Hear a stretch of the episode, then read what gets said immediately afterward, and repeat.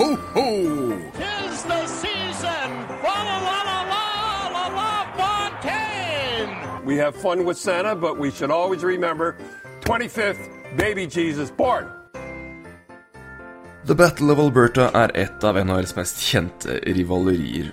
På 80-tallet møttes Edmonton Oilers og Calgary Flames flere ganger i sluttspillet i gamle Smythe Division, og i dag så skal vi snakke om møtet i 1986. Datoen var 30. april.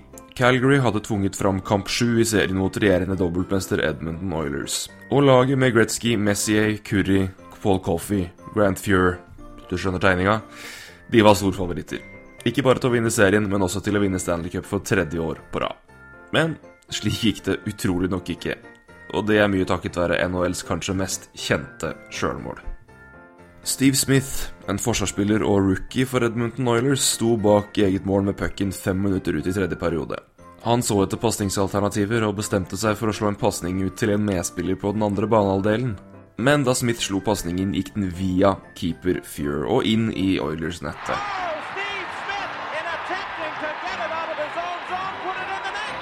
Og med det tok Calgary Flames ledelsen 3-2.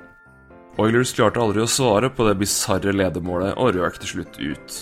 Og da spillerne tok hverandre i hendene etter kampen, var Smith oppløst i tårer. Og som om ikke det var nok, Smith ble 23 år samme dag. Antagelig var det ikke dette han hadde ønska seg på forhånd.